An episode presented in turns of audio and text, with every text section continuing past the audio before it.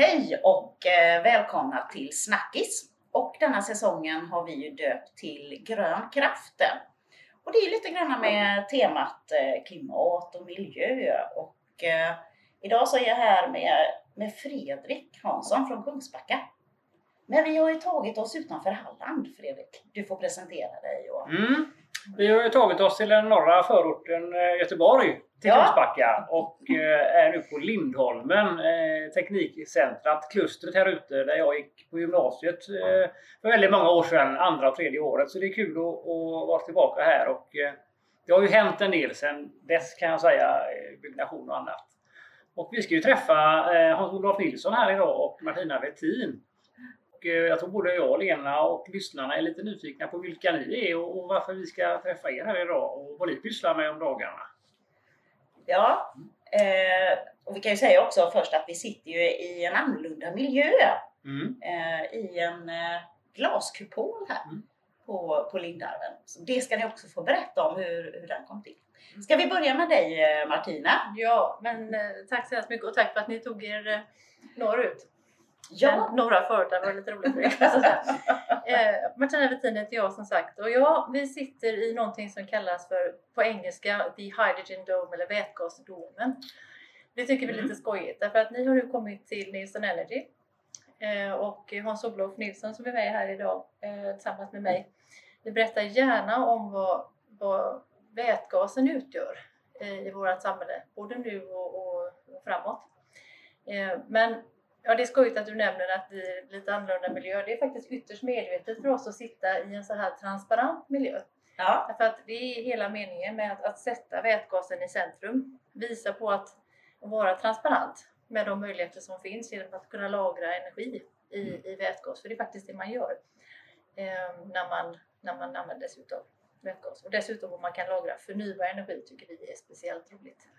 Så att jag hoppas vi får berätta mer om. ja. Jag känner så här att det kommer jag att lära mig ganska mycket idag. Så att det blir spännande. Hans-Olof, jag har ju hört så här att, eh, att du kallas för Mr Energy. Nej, Mr Vätgas. Ja, Stämmer just det, det? Mr Vätgas. Ja. Ja. När instiftades det? Det var väl 20...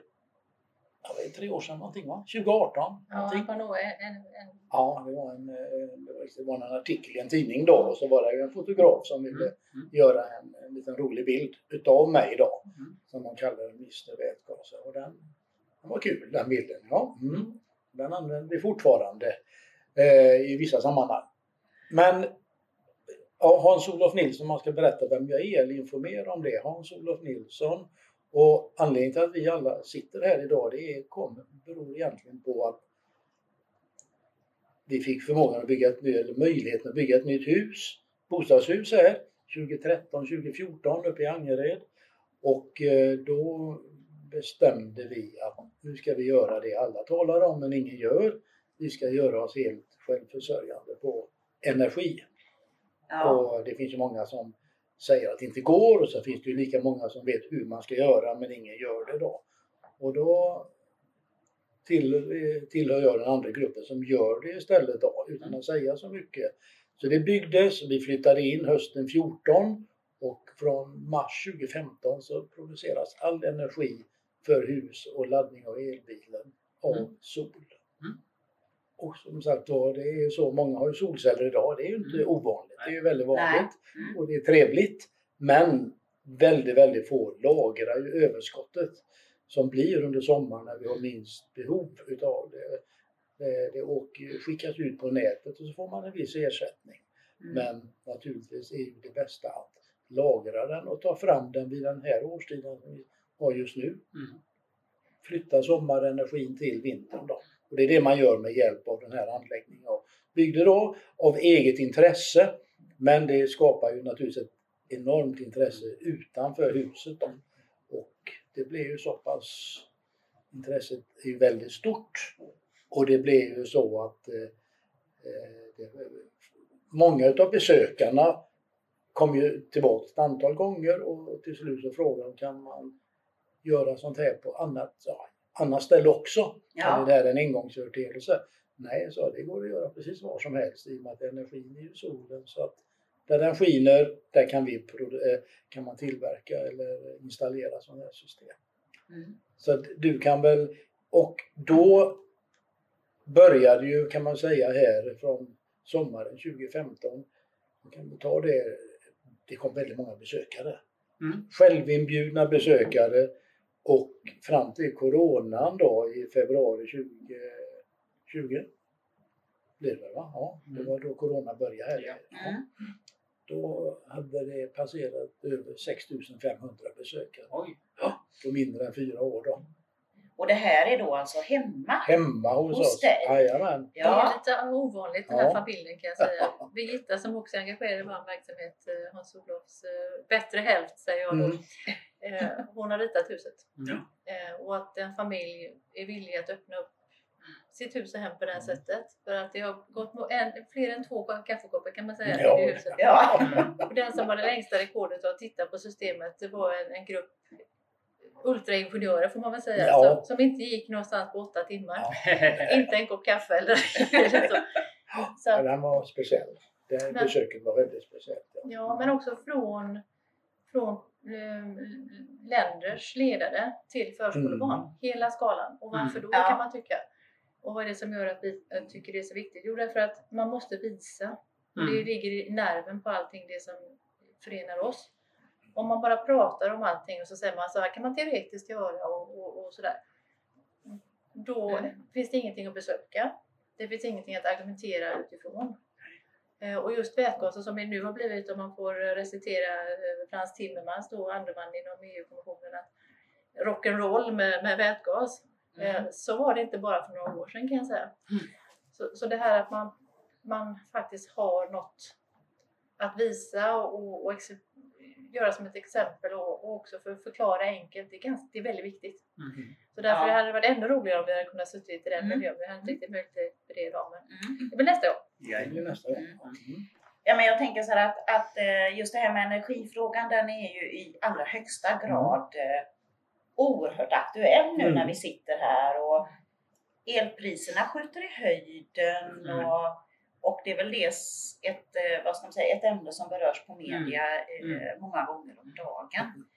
Eh, jag tänker, för egentligen när, när huset byggdes Mm. så var, var det inga tankar på att ni skulle starta ett företag Nej. eller sådär? Det här gjordes ju helt av eget intresse då. Ja, Teknikintresse, att visa att det går. Mm. Och att köpa, det är inga sådana här källarfix eller uppfinnarlösningar utan det är standardprodukter från hyllan från etablerade leverantörer. Alltså Mm. alla komponenter finns. Det gäller ju då att hitta de olika leverantörerna och, Mm. och få ihop dem. Mm. Och sen när man har hittat alla komponenter så ska de ju då fungera. Mm. Det var väl den, den lilla utmaningen, men det fick man ju då lösa själv också. Och det, ja, och det är det det gör och det är väl det som har gjort det då så pass intressant. Så att det var helt av eget intresse. Sen var det väl rätt i tid som man säger då, eller Mm. kanske lite före rätt tid. För ja, det var början. För menar, nu tre, fyra år efteråt så är det ju väldigt hett. Man pratar ju vätgas på många ställen. Mm. Och då är det ju gammalt för oss. Mm. Vi kan Ja. ju det, det har vi gjort i fem år. Mm. Så vi vet hur det går till och det var på så sätt det här med firma. Nej, det fanns, att börja en firma igen fanns inga planer på överhuvudtaget. Du hade haft företaget tidigare också? Ja, det har jag haft. Ja. Ja. Som har avyttrats då. Och tänkte nu ska vi göra, ja, som, vad gör man? Något nytt. måste- Man måste ju göra något då. Ja. Och då var det vindkraft under tio år och sen efter det så blev det detta med vätgas. Energi. Producera energi och lagra den själv hemma på gårdsplan då. Mm. Det är ju det som gäller, att kunna göra sig mer eller mindre oberoende. Sen att man är off-grid, som är, är det inte nödvändigt. Det räcker ju att man, man kan fortfarande ha nätet kvar, Mm. Ja. men man har en viss mängd energi hemma i huset. Så att till exempel om det blir strömavbrott, höga priser som det är nu i, Mm. i november, december, då kan man ta fram sin energi Mm. och använda den. Mm. Så att man, är, man bestämmer själv Mm. över sitt eh, energiflöde. Då. Och det är det som är väldigt intressant. För det du nämnde nu Lena med Mm. höjda elpriser eh, och så vidare så, så märker vi ju när vi är ute och träffar folk på gator och torg och kampanjer. Alltså vi pratar lite solceller och även Mm. elbilar, laddboxar och sådär. Så intresset för att, eh, ja, om man bor i villa framförallt, och installera solceller eh, ökar. Eh, Delvis man kan tanka bilen med förnybar energi Mm. och elpriserna går upp. Och kan man då även lagra den Mm. och använda den själv så är det ju ännu mer intressant givetvis. Så, så jag känner det här med lagringen just av förnybar energi, solcellsenergi. Där har ni lite försprång då på några år för det är liksom, känns det som att det är nu intresset på allvar kommer. Ja, alltså det här med batteri och vätgas, som jag har ju också batteri hemma i huset. Då. Ja. Det Ja. måste man ha. Alltså Ja. de här systemen är en kombination av batteri och vätgas. Och batteriet är ju för det korta behovet. Enkelt uttryckt, varje natt tidig morgon, då kan man köra på batteriet och sen när solen kommer fram då tar ju solen över och levererar energin till huset och överskottet blir då vätgas istället för att skicka ut det på nätet som jag sa tidigare och sälja det billigt. Ja. Och det är då att väl ska man nu klara en vintersäsong här där vi bor, vad är det, fyra, fem, tre till fem månader. Mm. Då räcker ju inte ett batteri, det räcker ett dygn eller två. Mm. Och då är det, finns det inget annat än vätgas. Och det är som sagt var en gammal känd gas, funnits inom industrin i över hundra år. Det är inget nytt alls. Men det är ju nytt utanför industriområdet. Det är Mm. det som är nytt. Mm. Och det har ju vi bevisat här nu på många, eller ett antal ställen, att det är inga bekymmer. Om man gör det på rätt sätt så kan du ha det. Det kan du berätta om. Vi bygger ju med människor runt, alltså det är in, in i, vad ska man säga, Bebyggt område. bebyggt område. Ja. Ja. Det, och det har jag hemma med ju såklart. Jag, är ju ett villaområde jag bor i. Så att det är... Kan vi förklara lite enkelt hur, hur det funkar, själva processen så att säga? Solceller och solel känner vi väl till de flesta av oss så att säga. Mm. Och sen använder ni den elen. För att tillverka vätgas. Mm. Och hur går det till? Ja, det är en väldigt enkel process. Det är, man säger att man har en apparat som heter en elektrolysör. Och det är en, en burk, om jag uttrycker det så, Mm. som man fyller med vatten, vanligt dricksvatten. Mm. I vattnet är det två elektroder som man släpper på ström på då. Och i och med det så börjar, uppstår en kemisk process så vattnet börjar kopplas isär. Syre, ja, det heter ju H2O, så Ja. vätgasatomer och syrgasatomer kopplas isär. Syret släpper vi ut och vätgasen leder vi till en tank. Mm. För det är där i energin finns. Då. Så så gör vi. Vatten matas in, solen spjälkar det via den här apparaten och så fylls ju då tanken på under sommarsäsongen då. Mm. Och sen till slut, solen blir svagare så att den här produktionen av vätgas blir ju ingen produktion då för solen räcker inte till. Nej. Nej. Men det gör inget, då har jag min burk så här full. Eller Mm. tank. Mm. Mm. Och sen nu när eh, vintern kommer, när solen är svag och solcellerna räcker inte till. Det vet alla som har solceller att de räcker ju inte till på vintern och är det snö på dem så är de helt döda Mm. elektriskt Ja, sett. ja. Ja. Då leds ju vätgasen tillbaks till en bränslecell. Mm. En bränslecell och det är egentligen ett batteri i ett annat utförande då. När den matas med eh, vätgas in i bränslecellen så tar den syrgas ifrån luften som är runt omkring oss. Luften, alltså den innehåller ju 20% cirka. Mm. Och då åt, blir det en omvänd process i bränslecellen så vätgasen och syrgasen slås ihop. Och i samband med att de sätts ihop igen så kommer strömmen fram. Mm. Och så har man el i sitt, till sitt behov då. Antingen driva huset eller ladda bilen då, till, elbilen då. Mm. Så det är så det går till. Man, eh, på så sätt flyttar man ju sommarenergi till Mm. vintern då. Mm. Säsongslagring kallar vi det för. Mm. Så att processen i sig är väldigt enkel. Det är inget på något experimentstadie utan det är känd decennier, decennier tillbaks i tiden. Då. Spännande. Ja, det är väldigt enkelt. Och det är... Jag får lägga till en grej då. Jaha. Nej, men det, det som är kanske väldigt viktigt att ha med sig också är att man också kan nyttja värme. Mm. Ja. Därför vi har ju ofta vattenburna system. eh, Ja, just i det. vår- Mm. Det är logiskt för oss i den miljön där vi Mm. befinner oss. Och på samma sätt som du berättar när man då tar tillbaka energin Mm. eh, så får man ut både el och el, bränsleceller i detta fallet och vattenkyl. Så Mm. kan man ju använda sig av den värmen. Det är en fin värme, 65-70 grader ungefär. Mm. som man kan re- recirkulera. Och på det sättet så, så är det ju, för det är ju det här pro, pratar gärna om effektiviteten i olika system och, Ja, sådär, och det är så låg effektivitet.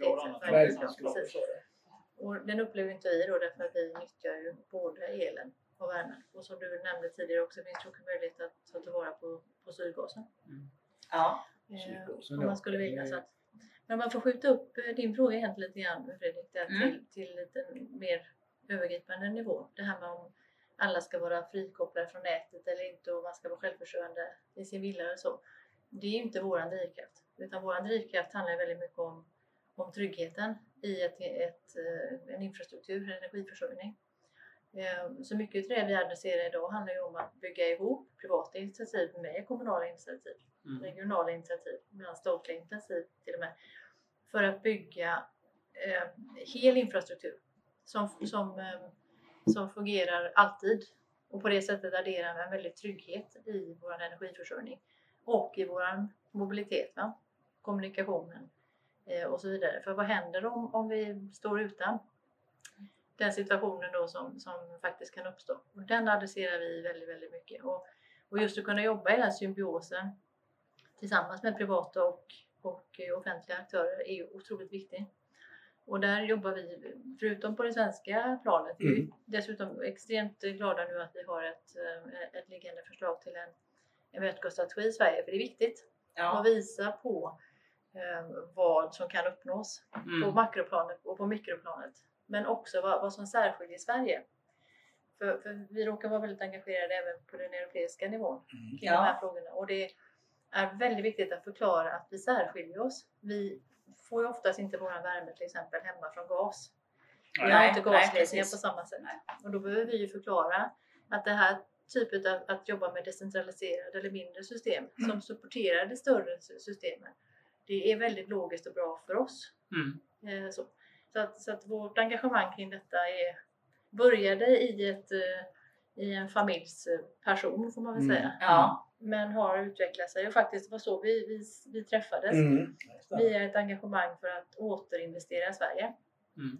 Ja, det Eller återindustrialisera Sverige ska jag säga. Mm. Eh, Vi, vi träffades i och kring en annan kommun, Mariestads kommun, som, som då hade sett sig tappa väldigt många industrijobb. Eh, Electrolux hade lagt ner och så vidare. Man Ja. behövde en omstart, en injektion. Och där var jag engagerad. Och både du, Hans-Olof och Pontus Mm. Lundgren som också är den tredje grundaren här och jag, vi har erfarenhet från, från förnybar energi. Både Mm. sol och, och, och vind. Så vi möttes i den här möjligheten att det här går ju att göra. Vi kan ju lagra energi. Ja. Ja. Eh, och, och, och, och som sagt, och det är inte alltid man vet var en resa slutar. Men vi, det var så den började i alla fall. Mm. Det var precis det jag tänkte fråga om, liksom just hur, hur ni eh, liksom, eh, träffade varandra och när var detta? 2016 kanske. Ja, som vi träffades Ja, först. Ja. Ja, ja. 2017 så grundades firman då, den här Mm. Nilsson. Så det är fyra år drygt Mm. gammal. ja. Det går fort när man har roligt. Mm. Ja. men det var vi tvungna att göra för då hade vi ju kund, kommun som ville ha ett system. Mm. Och då kunde ju ingen av oss som privatpersoner leverera sånt utan så vi får göra ett företag så Mm. det blir ordning på det här. ja. Om man uttrycker det på det sättet då. Och så bildas Nilsson Energy och eh, Men Därifrån. egentligen faktiskt, ursäkta att jag Ja. avbryter och så, men egentligen Mm. kring en annan resurs då. För att det första projektet som vi gjorde, det handlar om att, att på eh, stället omvända sol till bränsle. Mm. Alltså grön vätgas för mobilitet. Så vi Mm. byggde eh, faktiskt den första, världens första off-grid eh, tankstation. Tankstationen är inte våran, men produktionsanläggningen till tankstationen då. Som också var öppen för allmänheten. Så att åker man till Mariestad så, så står det ett gäng eh, containrar där med den här typen av teknik då. Där vi faktiskt, det är sol i tanken på riktigt. Mm. Eh, därför vi behåller ju solen och sparar den och så överför vi den i, i, i gasform då till bränslecellsbilar eh, bilar i det fallet. ja. Eller fordon. Mm. Så började det. mm. Så började Ja, det. ja, ja. Ja. Jag tänker det är ju, alltså just den här energifrågan som är så Ja. nu där. Alltså vi, eh, vi- det är nog ingen, inte en lösning som man har sagt ner, utan det är många lösningar Mm. som man måste titta på och så. Vilka, eh, vad jobbar ni med idag? Är det mest företag ni hjälper eller är det privatpersoner? Eller? Nej. Det är kommersiella kunder. Eh, Ja. Men de Ja. kan vara både privata eller, eller, eller offentliga om man säger så. Men, Mm. men vi, vi, det är inte så att vi inte har få förfrågningar Oj, Solof. nej, nej. Det är faktiskt väldigt många som gärna skulle vilja ha sin, Mm. sin villa Mm. eh, självförsörjd. Men det, finns en, det är förknippat med en prislapp idag. Mm. Ja. Eh, Mm. Många av de här delarna som Hans-Olof nämnde tidigare, de har inte riktigt nått eh, storskalighet ännu. Nej. Eh, vilket innebär att det finns inte alla storlekar på allting. Nej. Vilket gör att ett, ett, ett, ett ekonomiskt hållbart system kan bli för stor för en, en liten villa om man säger så. Då. Okej. Ja. Det är inte så att det inte är intressant. Det säger jag inte. Men, men, men däremot så ser vi att för att vi ska kunna göra så stor skillnad som möjligt. Det här handlar ju om att putta undan fossilt. Mm. Ja, Det är precis. grunden i det vi Mm. gör. Och jag, jag välkomnar verkligen det du säger att det aldrig är en teknik. Det är alltid en Mm. kombination av teknik. Så för oss när folk pratar om att det är batteri eller vätgas, då förstår inte vi. Det är batteri och vätgas. Mm. Mm. Ja. Alltså det är ju Mm. kombinationen av teknik för den givna applikationen som är Mm. grejen. Mm. Så att jag tror att man ska vara jätteöppen för det. Man, man ska hela tiden inte låsa in sig i en massa dumma saker utan man ska se att, att vad, vad vill vi uppnå? Mm. Och, det, och grunden för alltihopa här det är ju att vi vill jobba med ett fossilfritt samhälle. Mm. Vi vill putta undan det fossila. Ja. Det är liksom grunden. Det är primära och det gäller ju även om man talar drivmedel så att säga till, till bilar Ja. och så vidare. Om det är biogas eller vätgas eller Mm. mm. solel och så vidare så är det det förnybara som är Yes. det viktiga. Yes.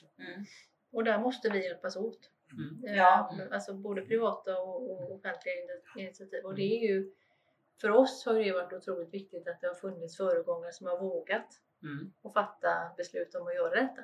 Mm. Vi hade ju inte funnits annars. Nej. Om, man, Nej. Om, man, om det inte finns någon som är villig att, att pröva och säga ja nej men okej, vi, vi tar den här chansen gemensamt. Mm. Och det är det fina i samhällsbyggandet. Att man, att man kan möta varandra och göra det. Ja, ja, precis. Jag är lite nyfiken mer på, på ditt hus. Ja, Ja. Hur stor, eller hur många kvadrat eh, eller hur stor effekt i själva solcellsanläggningen? ja, den är... mm, Vi har ju ett tak mot söder. I och med att det byggdes nytt hus så kunde man ju lägga det i rätt Ja. riktning då. Ja. Och alla vet ju att söder är ju bäst Mm. över året då för att få in Mm. mest sol då. Mm. Och på taket ligger det 20 kilowatt installerad effekt Ja. i solceller då. Och sen har jag solfångare som du nämnde också då. Mm. För jag ville prova de olika tillgängliga systemen som fanns då 2012 13 Så där ligger 20 kvadratmeter solfångare också som värmer vatten då Mm. under sommaren. Då. Mm. Och sen eh, sitter där också solceller i fasaderna. Så i söderfasaden och i fasaden mot väst sitter integrerade solceller. Så det är en del, ja, och eh, ehm, söderfasaden nu till exempel, den är ju väldigt eh, trevlig att ha för nu har vi ju snö på våra solceller. Mm. Där, Ja. där vi bor och många andra. Mm. Men eh, solcellerna i söderfasaden är ju alltid rena och klara Mm. precis som ett fönster. Så det är ju den som just nu då ger ett visst tillskott utav energi under vintersäsongen. Solen står ju lågt också då Ja, ja. naturligtvis. Så att även om solcellerna på taket är rena från snö så är ju de inte speciellt effektiva då. Solen kommer in med en 10-12 graders vinkel. Det är ju nästan så att bara Mm. åker Mm. över taket. ja. Eh, Men eh, väggen, eh, vad heter det, panelen i söderfasaden, panelerna i söderfasaden är ju väldigt attraktiva då. Mm. Ur energisynpunkt. Ser hyggligt ut också. Mm. Så totalt är det 23 kilowatt Ja. installerad solel. Ja. Så då de här 20 kvadratmetrarna Mm. solfångare som värmer vatten då. Det, det, är det, är det som håller igång huset. Men det uppfattar jag som att om vi talar om själva vätgastekniken Mm. i en villa är fortfarande lite dyr. Mm. I och med att volymen har inte kommit igång än. Om man bygger, till exempel, om man bygger ett nytt villaområde skulle det vara möjligt att liksom ha eh, någon större lösning eh, delvis för kanske området eller att en anläggning för två hus eller något liknande för att liksom Mm. komma ner i, i och få ihop kalkylen så att på ett Ja. bättre sätt. eh. Ja, det, Absolut. Jaha, det Ja. håller vi på med ett par Ja, stycken sådana. Ja. Där det är, I det ena fallet är det 22 hus Mm. och i det andra, vad blir det? det, det är det ja, I den storleken cirka Mm. 20 bostäder då. ja. Ja, eh, som då, eh, där man är intresserad av egen elproduktion. Mm. Från solceller också då. Mm. Och, jajamän, det är, och det är mycket bättre, ju större man gör anläggningen ju billigare blir varje kilowatt som produceras. Mm. Så det är en fördel att göra det stort Mm. än att göra det som för mig då, ett hus bara. Ja. Mm. Så det är väldigt intressanta eh, projekt som vi är inblandade i. Och, Mm. eh, ja, det är två stycken som, är, som lever där man ska, man, det är inte bara på projektstadiet då, Nej. utan man ska bygga husen. ja. Så är det bara då just en sån här energianläggning då, Mm. ska den Ska det vara någon annan? Ska den ingå? Ska man göra något, vad kallas det för ett vad är det när man är, vad säger man då? Ett mikronät menar du? Nej, inte mikronät men just när man bostads, alltså boende man äger ihop. Ska Ja, man just äga? bostadsrätter eller... Ja, nu ska man äga En samfällighet En något sätt. samfällighet, sånt här har jag Ja, aldrig gjort just det. förut. Man får fundera på hur ska en sån här energianläggning Mm. ägas? Ska det vara, ska det vara den lokala nätägaren som äger den? Ska det vara en fristående eller ska det Mm. vara de som äger hus? Alltså det är lite en sån, Mm. för det är helt nytt det här då. Ja, ja. Men tekniken finns och fungerar och det är Mm. hur superbra som helst om det Mm. kommer att ske. Va? Så det är en väldig fördel att göra fler hus eller boende då. Men det är tillbaka till det här igen då, att ni kanske har hört mycket i energidebatten också det sista där med att det är en enorm eh, kapacitetsuppbrampning i norr. Mm. Att det behövs byggas jättemycket Ja. vindkraft till att Ja. försörja många av de här stora projekten. Alltså Ja, hit ja. direkt Mm. till, till eh, batterifabriker och, och, och, och sådär. Och så kommer den här ångesten då för oss som bor lite söderut att men blir det inget över till oss då? då? Mm. Alltså kommer det att ta stopp så att Ja, vi inte får precis. någon Mm. över, överföring? Mm. Det som Hans-Olof pratar om, det du frågar om Fredrik, det, det handlar ju om att möjliggöra att, att, att frisätta de befintliga systemen. Mm. Faktiskt stötta dem genom att, att se till att, att vi inte begränsar oss. Att vi Mm. inte kan bygga nytt eller att vi inte kan bygga nya industrier eller, eller för att vi inte har kapaciteten eller effekten där och då den behövs. Så att det skulle jag verkligen vilja skicka med. Eh, Ja. Det här att, att eh, det är ju samspelet mellan vad vi som samhälle, eh, land, eh, industri vill uppnå eh, som är grejen här. Ja, och titta på precis. hur, hur nyttjar vi den här resursen på bästa sätt. Mm. Men någon som säger det här att det är en timmes instrålning på jorden utav, utav solen täcker vårt energibehov för hela jorden Mm. för ett år. Ja. Mm. Så att det är inte så att inte det finns resurser men vi måste liksom bygga vad ska jag säga, lösningen som gör att det där och då ja, precis. finns. Kan lagra den. Ja, Ja, kan man man- kan ja, lagra. Ja, precis. för det är lite som Martina säger att har man egen energi så kan man ju frigöra energi till nätet. För alla har ju inte solceller Nej. än va? och då är det trångt i nätet, alltså energin räcker inte till. Men kan jag då koppla ifrån mig en dag eller två eller tre när det är som värst, hårdast belastat, då gör jag ju en vältjänst för nätägaren. Va? Mm. och eh, genom att sköta mig själv och på sikt till och med kunna få ersättning för det. Det är ju så att om man kopplar väck sin energi eller minskar sitt energi, sin energibelastning så kan man ju få ersättning. Man tittar nätägarna tittar ju på sådana nya tjänster då, flexibilitetstjänster, att förbrukare som kan dra ner på sin Mm. behov kan ju få en ersättning för det Mm. till exempel. Då. Mm. Så det, och det kommer ju bli, och det kan jag ju, då kan ju en som har energi i sitt hus delta i ett sådant system. Att hjälpa till. Va? Och, Mm.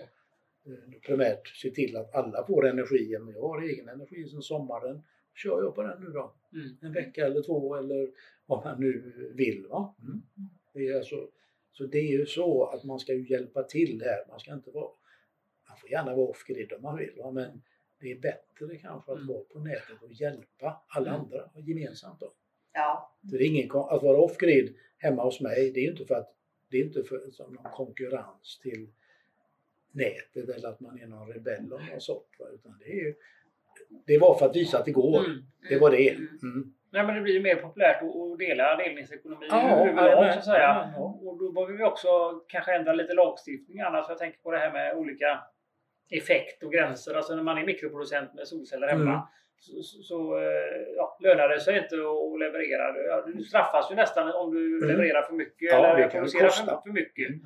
Eh, och, och eh, är det nu så att jag producerar solel hemma och, och det blir över så är det väl fint att kunna sälja den på nätet och att jag kan producera så mycket jag kan. Och då ska Mm. vi inte ha eh, regelverk som, som, som, som begränsar det. Utan eh, all produktion av förnybar el och framförallt då i, i vår del av, av Sverige, för det, det ska vi uppmuntra i den här delen av landet framförallt. Så, men givetvis i hela Sverige. Men, men eh, då måste reglerna vara, vara någonting som också främjar det. Ja, absolut. Och, och likadant så att mycket av den installerade, till exempel vindkraften som finns, Mm. inte utnyttjas fullt. Mm. Därför att det finns inte, man har inte att ta hand om det. Alltså det finns inte nät som klarar att ta. Och, och det har vi inte talat om heller, men, men volatil energi eller intermittent energi som det heter när man, när man har vind och solkraft då, som man inte kan styra eller Nej. inte förutse. Den sätter också eh, belastning på nuvarande infrastruktur. Mm. Därför den beter sig inte förutsägbart. Nej, just det. Nej, Kan vätgasen vara ett alternativ där jag tänker Mm. på eh, det är just det. Den, lagra vinddelen eh, när det blåser till dagar det inte blåser? Ja, Yes, det är vind precis och det. sol lagras och tar fram den när det är ett underskott. Ja, Ja, Och det kommer att bli än större behov. För ju mer vindkraft som kommer in i nätet Ja. så blir det ju större svängningar och variationer och Mm. eh, behovet av stödtjänster att kunna stötta när vinden inte driver Mm. vindkraftverken. De kommer att, behöva, de kommer att öka, Mm. behöva ökas då. Mm. Så att det är ju också något vi har väl klart har noterat och vi jobbar på med Mm. och kommer att göra riktiga, riktiga grejer igen då. Mm. Och inte Ja. bara rita i Powerpoint hur det ska gå till. Mm. Nej. Så det är stödtjänster. Ja, för hör man i debatten så hör man ju att det, solel är ju inte alternativ för solen lyser inte hela året Nej. och Nej. vindkraft är inget alternativ för det blåser inte hela året. Men, men eh. Så om man tittar på, på grafer också så är det väl så att januari är väl den månaden det blåser mest oftast. Ja, Eh, vintersäsongen är mest eh, Så. den tätaste vinden vi har. Då- Då har vi mest produktion. Ja. Ja. Ja. Så det handlar om att avliva en hel del myter men samtidigt Ja. också att ta på allvar eh, ja, att kunna verkligen eh, lagra den eh, Mm. energin. Då. Det Mm. är vätgasen då som Och är egentligen som man så då säger så lagrar vi ju i vatten. Det är ju Mm. H2 där. Mm. Som, Ja. vi, som vi vatten. splittrar. Ja, det är det, kan, det kan det minsta barn, den, den molekylen. Det lär, det upp Mm. på så att det faktiskt är möjligt. Mm. Vattnet är ju ett enormt batteri vi har Mm. egentligen. Det är ju det vi lagrar i. Mm. Mm. Och sen kommer det tillbaks. När man redan tar tillbaks energin så kommer ju vattnet tillbaks. Så Ja, man förbrukar precis. ju inget vatten heller. Va? Man bara lånar det under en viss tid till man eh, drar tillbaks energin. Mm. Så det är fantastiskt bra. Någonting jag funderade över Mm. här nu med din tank hemma. Mm. Hur stor Är den ja? Ja, just det. Hur stor är den? Och, Ja, den är eh, tankvolymen då Mm. ja, är 13 11 kubikmeter. Mm. 11 11 kubikmeter. kubik. Ja. Vattenvolym får jag säga då så att du kan fylla i 11 kubik eller 11 000 liter vatten då. Mm. Man Ja. får säga så när man, eh, för att man ska förstå hur stor den är. 11 kubikmeter är tanken stor. Mm. Den då fylls ju med vätgas under sommarsäsongen. Så när den är full, det är ju eh, hyggligt höga tryck då. Mm. Då är det 300 bar i tanken. Där det är cirka 200, nu säger det inte så många någonting vad det innebär, men cirka 250 kilo vätgas i den där tanken då Mm. är det. Men eh, det är storleken på den. Den, Ja. har, den, ligger, den är byggd i en friggebod. Storlek som en Ja. friggebod. Ja. Så att den är, ser ganska... Det är ingen som tänker på den. Nej, nej. Friggeboden är ju, ja det är bara för att den ska vara skyddad från väder och vind då. Mm. Mm. Mm. Och inte väcka onödigt intresse. Mm. När du ser tuber eller cylindrar så kan man ju undra, Mm. vad är det för någonting? Mm. Men lägga till då att Hans Olof och Birgittas hus kanske inte är av normal, normal storlek. Utan det kanske är som en, två normala villor. Ja, det är Det är ju över Mm. 500 kvadratmeter Ja. stor. Och det avgör ju också hur mycket energi man behöver. Behöver ha. ja, men det, ja, så det...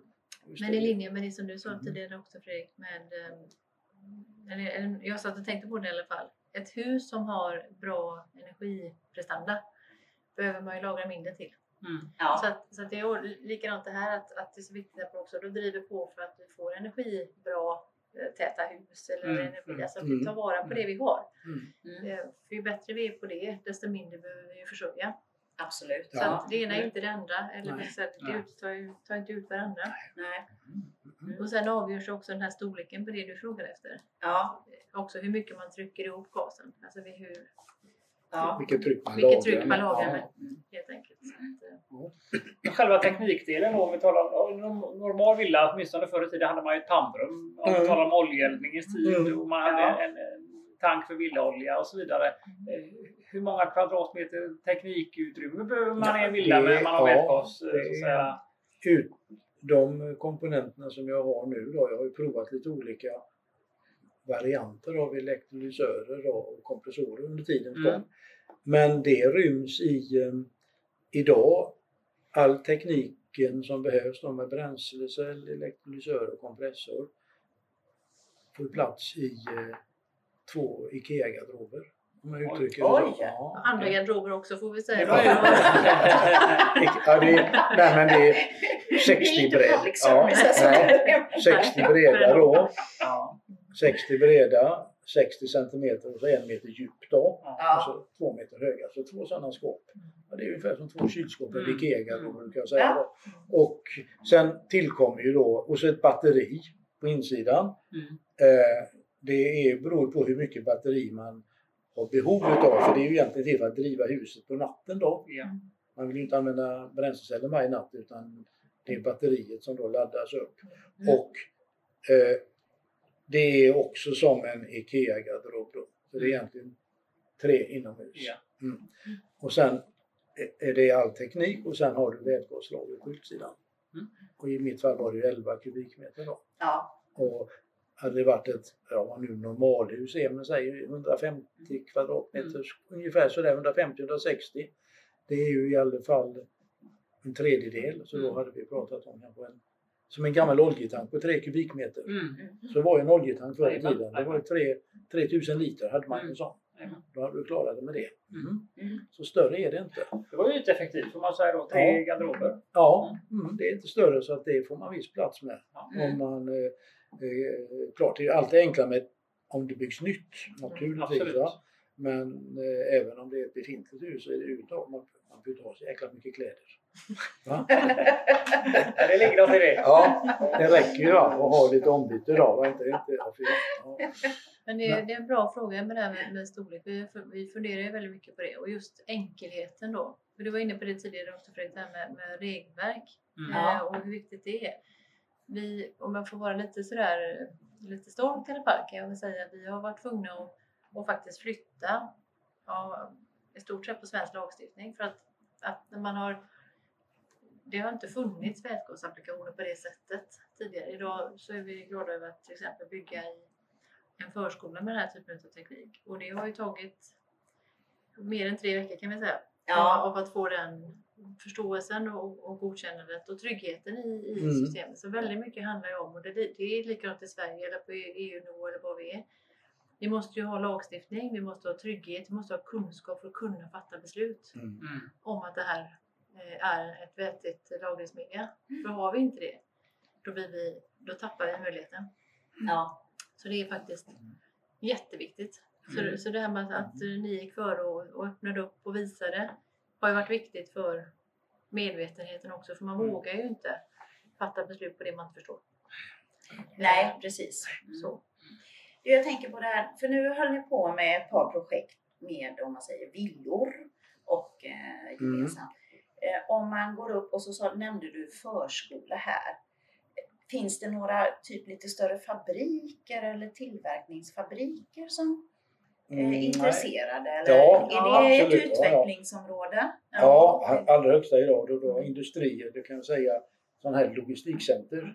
Ja. Mm. De har ju väldigt stora tak Ja. och det hör vi ju idag att de, många utav dem lägger ju solceller på sina tak. Enorma anläggningar med mycket energi som då är mycket, mycket mer än vad de behöver under dagtid. Därför Mm. oftast logistikcenterna är ju aktiva på dagar och lite långsammare under nätterna. Mm. Mm. Så de har ju inte så himla stort eh, Alltså, de har väldigt mycket energiproduktion i förhållande till vad de kanske förbrukar Mm. och de vill ju då göra något nyttigt av detta. Mm. Så Ja. där har det, är vi ju kontaktade vad det gäller hur skulle vi kunna lagra undan energin då Mm. för att ha den, för att driva energicentrat under, inte energicentrat, logistikcentret under tider då eh, vi är samma som i en villa, att man, Mm. man sköter sig själv, man Mm. hjälper till Mm. att eh, försörja sig själv när det är hårt belastat på nätet av olika anledningar. Då. Mm. Det är mer för att, inte för att de, de här stora anläggningarna som läggs upp, det är ju inte för att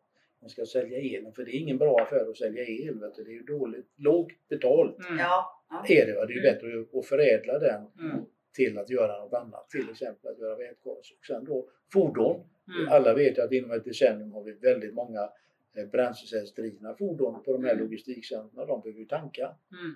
Och då kan ju logistikcenterna erbjuda tankstationer inne på området Mm. med vätgas. Så att de tittar lite så framåt. Så att det kommer att bli så ja. Ja. Logistikcenter speciellt. Spännande. Ja, det är väldigt... Jag, jag tänker, ofta är det ju någon som kanske går före Ja. och då kanske det är de som i det här läget har störst förutsättningar Ja. för att Och de har, använda tekniken. ja, de har ju energikällan, solcellerna, den är Ja. på plats. Mm. För det är ju många gånger när vi pratar om privata boende och så, eh, så att det är ett väldigt stort intresse. Och sen ser man ju då, vi har ju beräkningsprogram för detta så vi kan ju se hur mycket solceller som behövs för att få huset antingen off-grid eller till viss del självförsörjande. Men många, många av de här eh, intressena faller på grund av taket är för litet. Mm. De får inte plats med solceller, eller så ligger det åt fel håll Mm. mot öst till exempel och vissa fina takhöjder mot norr och så vidare. Mm. Så att det har inte varit något sånt när husen har designats och byggts, även nya ibland, så tar man inte hänsyn till Man tänker Nej. inte på det att det ska vara solceller. Utan man, det är mer estetiskt, det ser bra ut om den ligger så och den så. Ja, Och så- just det. Ja, man, inte, man tänker inte att det skulle vara kanske Mm. ett tak för solceller. Mm. Samtidigt så kommer det med i många detaljplaner Mm. i många Mm. kommuner faktiskt nu. När vi planerar eh, kommunala byggnader i Kungsbacka så tittar vi på det på ett annat sätt nu. Alltså i Mm. detaljplaneskedet redan. Ja, alltså hur kan vi pla- placera och vända och vrida byggnaden just för att få Ja, optimalt det är så det ska vara. solceller. Ja, Så det, det jag tänkte på, vi nämnde det tidigare, lite nyfiken fråga tillbaka, men verkningsgraden då. Eh, Ja. så, så, var ju när, tror det var, när var det bränslecellen som även alstrade värme. Mm. Eh, och om man inte tar tillvara på den så är det inte så jättehög, eh, eller verkningsgraden blir mycket bättre om man tar tillvara på den. Då är det lätt det som är nyckeln, för det finns väl kanske någon som är, kritiker och säger Ja. att det är inte så hög eh, verkningsgrad på vätgas. Men om man tar hand om överskottsvärmen då och använder den så blir det mycket bättre då. Ja, det kan jag svara på. Om Mm. Man tillverkar ju först vätgas då, Mm. man spjälkar vattnet och där Mm. uppstår ju också en värmeförlust, alltså värme, processen, Ja. processen skapar värme då. Mm. Cirka 20 procent av den inmatade effekten från solen blir värme då. Tar Mm. man tillvara på den som jag gör hemma Ja. och som vi gör på alla andra ställen vi har installerat och sen då har vi 20 procent där. Tänker man på sommaren, vad behöver man värme till då? Jo, varmvatten går åt hela tiden. Mm. Lika Ja. mycket. Mm. Varje dag året runt så förbrukar man Mm. varmvatten. Och sen då när bränslecellen går igång på hösten, vintern, så skapas det också värme där. Och som man naturligtvis, då är det definitivt nytta av den för då värmer den ju huset primärt. Mm. Och så även varmvattnet Mm. då. Och värme från produktion och värme när man då producerar el igen via bränslecellen, då tangerar man cirka 80 procents verkningsgrad. Så av de där 100 som kom in utnyttjar cirka 80 då. Det är ju ganska bra. Det är bra. Det är ju jättebra. Ja, verkligen. Men kör du bara sol, alltså tillverkar vätgas och så el ut ur bränslecellen, Mm. då är det på en 28-30 procent. Mm. Och det är det många säger är dåligt, för laddar jag ett batteri med 100 Mm. så får jag ut 85 i alla fall, Mm. 90 kanske. Mm. Och så får man bara ut mellan 25 och 30 på en bränsle. Då är det ju en stor skillnad. Absolut. Men Mm. Nu är det ju i stationära anläggningar vi använder detta. Då. Mm. Alltså, det är ju jättebra. Ja. Och så återigen, eh, och som vi säger, verkningsgraden, den ska man alltid titta på. Men bränslet då, solen är ju fri, Absolut. kostar ju inget. Vad gör det då om, om jag får ut bara 80 procent? Mm. Jag betalar ju inget för solstrålen. Nej. Nej, faktiskt. Nej, den är svår att beskatta.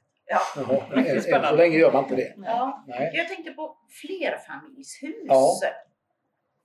det var väldigt bra. Ja, Ja. Det är så egentligen samma logik som det vi diskuterade Ja. tidigare. Ja. Ett mikronät som ett mikronät kan, Ja. man, kan man Ja. säga. det. Men, men något som är, är för att kunna göra stor skillnad så har ju vi bestämt oss för, det är egentligen det första vi gjorde, vi byggde ju containrar. Det vill säga för att kunna skala upp eller skala ner, flytta. Därför Mm. att ett samhälles behov kan ju förändra sig Mm. Ja. beroende på Mm. alltså hur det utvecklas. Eller sådär. Och kunna då flytta med energiproduktion, göra den mobil, inte bygga fast sig. Mm. Mm. Så tror vi att vi, vi kan göra det största bidraget vi kan. Ja. På det sättet liksom att, att tänka sig många, många noder som faktiskt också bygger upp en trygghet som sagt, som jag sa tidigare, i samhället. Mm. Mm.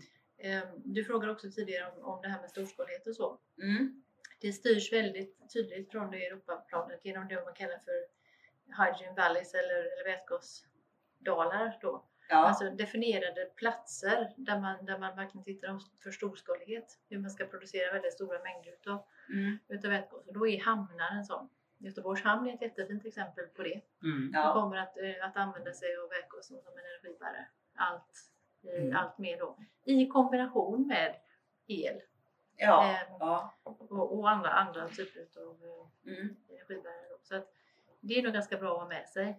Storskaligheten men adderat småskalighet och på det sättet Mm. flexibilitet och trygghet. Mm. Vi, vi, vi är för decentraliserat Mm. system. Du producerar Ja. där du förbrukar Mm. idag. Ja. Det är ju det som är det fina. För Mm. bränslet kommer ju där uppifrån Ja. och den levererar ju varje dag, solen. Mm. Så decentraliserat, det blir Mm. väldigt bra. Det kommer ju bli väldigt många. Vi har ju våra stora system som vi har idag och de kommer säkert att byggas ut i viss del. Men behovet ökar ju mycket fortare Mm. än utbyggnaden av de stora distributionssystemen och då blir våra decentraliserade system. Mm. De sätts precis där behovet är. Ja. Eller flaskhalsar i det befintliga nätet. Där kan vi hjälpa till med våra Mm. decentraliserade system. Så det är det vi får. Andra får göra de stora och vi gör de små. Då. Mm. Så det är solen som är framtiden och till viss del vinden också? Ja, vinden. Kombinationer. Ja, kombinationer. Solen är så himla bra för den kan du... Det är, är inte mycket tillstånd du behöver för att lägga upp solceller på ett tak eller en fasad. Men det vindkraftverk, det vet vi ju att. Långa processer. Ja, precis. Om du överhuvudtaget får lov att göra det. Ja. Det är faktiskt så också. Ja. Men solceller, inga bekymmer. Så det, och det är ju då också överkomligt för den normala människan. Mm. Då. Mm. Vindkraftverk är ju miljonbelopp. Alltså, Mm. Det, det, är liksom, det är inte för Svensson. Men solcellen är ju det. Ja. Helt klart. Så Mm. därför är det vårat det mindre decentraliserade system. Jag tror ni känner igen det här med det lokala tänkandet. ja, precis. Ja, ja, det som är det. intressant är ju också det gröna avdraget nu som har varit igång Mm. sedan i våras eh, som också gör det lättare för oss konsumenter att investera eh, i klimatsmart teknik och solceller bland annat. Och, eh, Mm.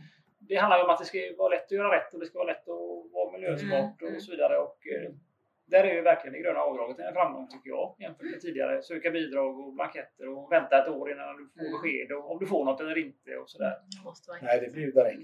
Ja, Det skulle även inkludera vätgasinstallationer. Mm, mm. Men det gör det inte idag vad jag vet. Nej. Ännu säger vi då. Alltså. Ja, ja. precis. För det handlar ju också om att man får skruva Ja. i regelverket och Ja. utveckla det i takt med Ja, tiden. det kommer säkert att bli så med. Ja. Alla Mm. energiåtgärder ska Mm. subventioneras. Mm. Men där är vi väldigt positiva. Men som sagt, jag tror att det är viktigt att det blir plattformar för saker och ting. Alltså att man kommer överens om att "Nej, men det här tycker vi är bra, det är intressant, Mm. då jobbar vi med det. Mm. Som sagt, det byggs inte över en dag. Men... Nej, precis. Det var lite grann det också jag tänkte eh, vi skulle höra. Alltså, finns det, finns det något, något mer som eh, ni kan vill skicka med oss att vi, vi ska arbeta med rent politiskt eller sådär, förutom det som ni har nämnt med? Jag tror det är jättebra att, att eh, be, framförallt bekanta sig med ämnet så att man, man förstår det. Ja. Det är nog faktiskt basen Mm. eh, för det. För, för sen är, jag menar, vi, det finns många olika samhällsinstitutioner. Våra räddningstjänster till exempel som, som ger tillstånden för brandfarlig vara. De är jätteviktiga. Otroligt viktiga. Att de Ja. har rätt kunskap eh, Mm. och känner sig trygga Mm. för att våga fatta beslut. För så lo- lokalt är det. Ja. Mm. Eh, Men det börjar ju på något sätt på någon övergripande nivå att, och det tror jag, dit tror jag vi har kommit. Att, Ja. att tack vare att vi, vi nu har en, en eh, strategi både på Europanivå och svensk eh, nivå. Liksom, nu är det på något sätt inne i finrummet på det sättet att man accepterar vätgasen som en, en relevant komponent. ja, precis. Det tror jag är början. Sen finns det en massa lokala eller så, olika regelverk man behöver skruva på. Mm. Det, det tror jag. Men att inte sätta tekniken mot varandra. Inte säga elektrifieringskommissionen och vätgas. Två. För- Nej, Mm. absolut Nej, inte. Därför att de måste samverka. Mm. För vi bygger system genom att, och det kallas för sektorkoppling då. Det är Mm. det som är grejen. Det, det önskar jag och vi. Att man Mm. verkligen förstår sektorkoppling. Att man måste titta på den här frågan från tvär, tvärt, inte i sugrör. Nej, nej, Därför nej. att systemen byggs tvärfunktionellt i ett samhälle. Liksom. Mm. Det är jätteviktigt. Så den typen av lagstiftning och incitament är skitviktiga. Mm. Mm. Anser vi. Anser jag. bordet. Mm.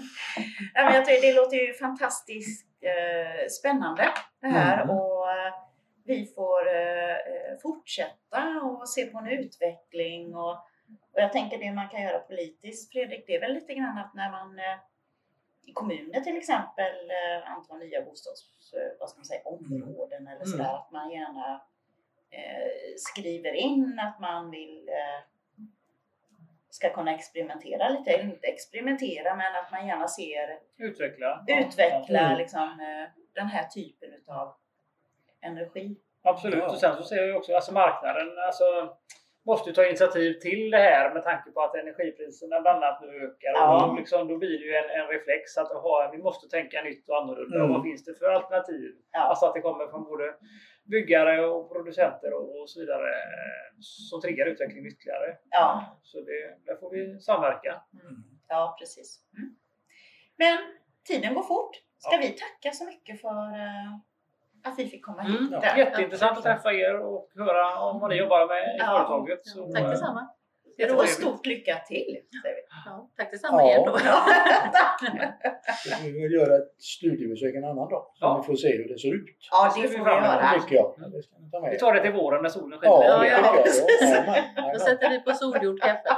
Ja, det Ja, bra. bra. Tack så mycket. Ja. Hej då. Tack, hej! Hej.